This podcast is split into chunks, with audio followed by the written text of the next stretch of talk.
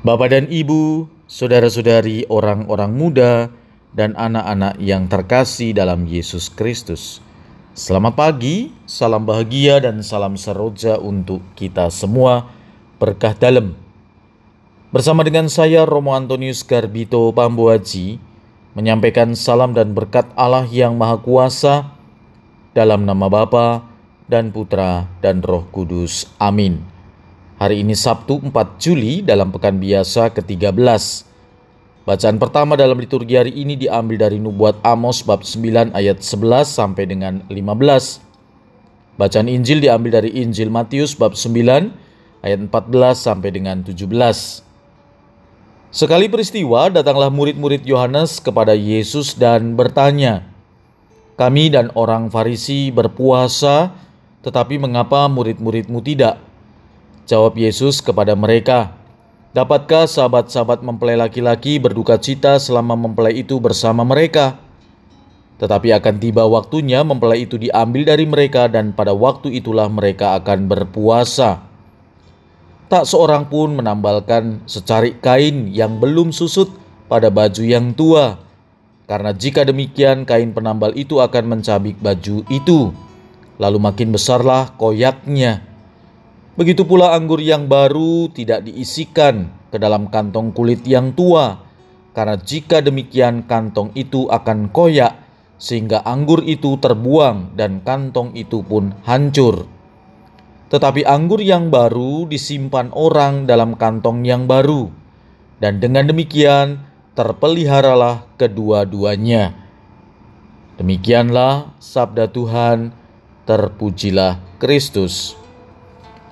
Saudara-saudari yang dikasih Tuhan, sabda Tuhan yang baru saja kita dengar diawali oleh sebuah pertanyaan dari para murid Yohanes Pembaptis yang dilatar belakangi oleh sebuah pengalaman sederhana dalam keseharian. Ketika mereka melihat bahwa murid-murid Yesus tidak berpuasa, sedangkan mereka telah melakukan kewajiban puasa dengan baik, maka mereka menegur murid-murid Yesus. Kami dan orang Farisi sudah berpuasa, tetapi mengapa murid-muridmu tidak?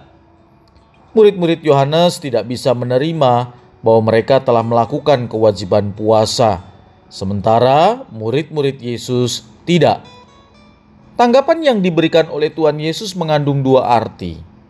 Pertama, bahwa para muridnya tidak perlu berpuasa selagi ada bersama Dia. Kedua, bahwa tujuan orang berpuasa ialah agar mereka dapat mendekatkan diri bersatu dengan Yesus. Jika seseorang sudah bersatu dengan Yesus, maka dia tidak perlu lagi berpuasa. Tetapi akan tiba waktunya bahwa mempelai akan diambil daripadamu. Maka pada waktu itulah kamu harus berpuasa. Dengan demikian, puasa yang kita jalankan hendaknya mengarahkan diri kepada pertobatan. Sebuah langkah meninggalkan yang lama menuju kepada kebaruan diri agar kita sungguh mengalami persatuan dengan Yesus.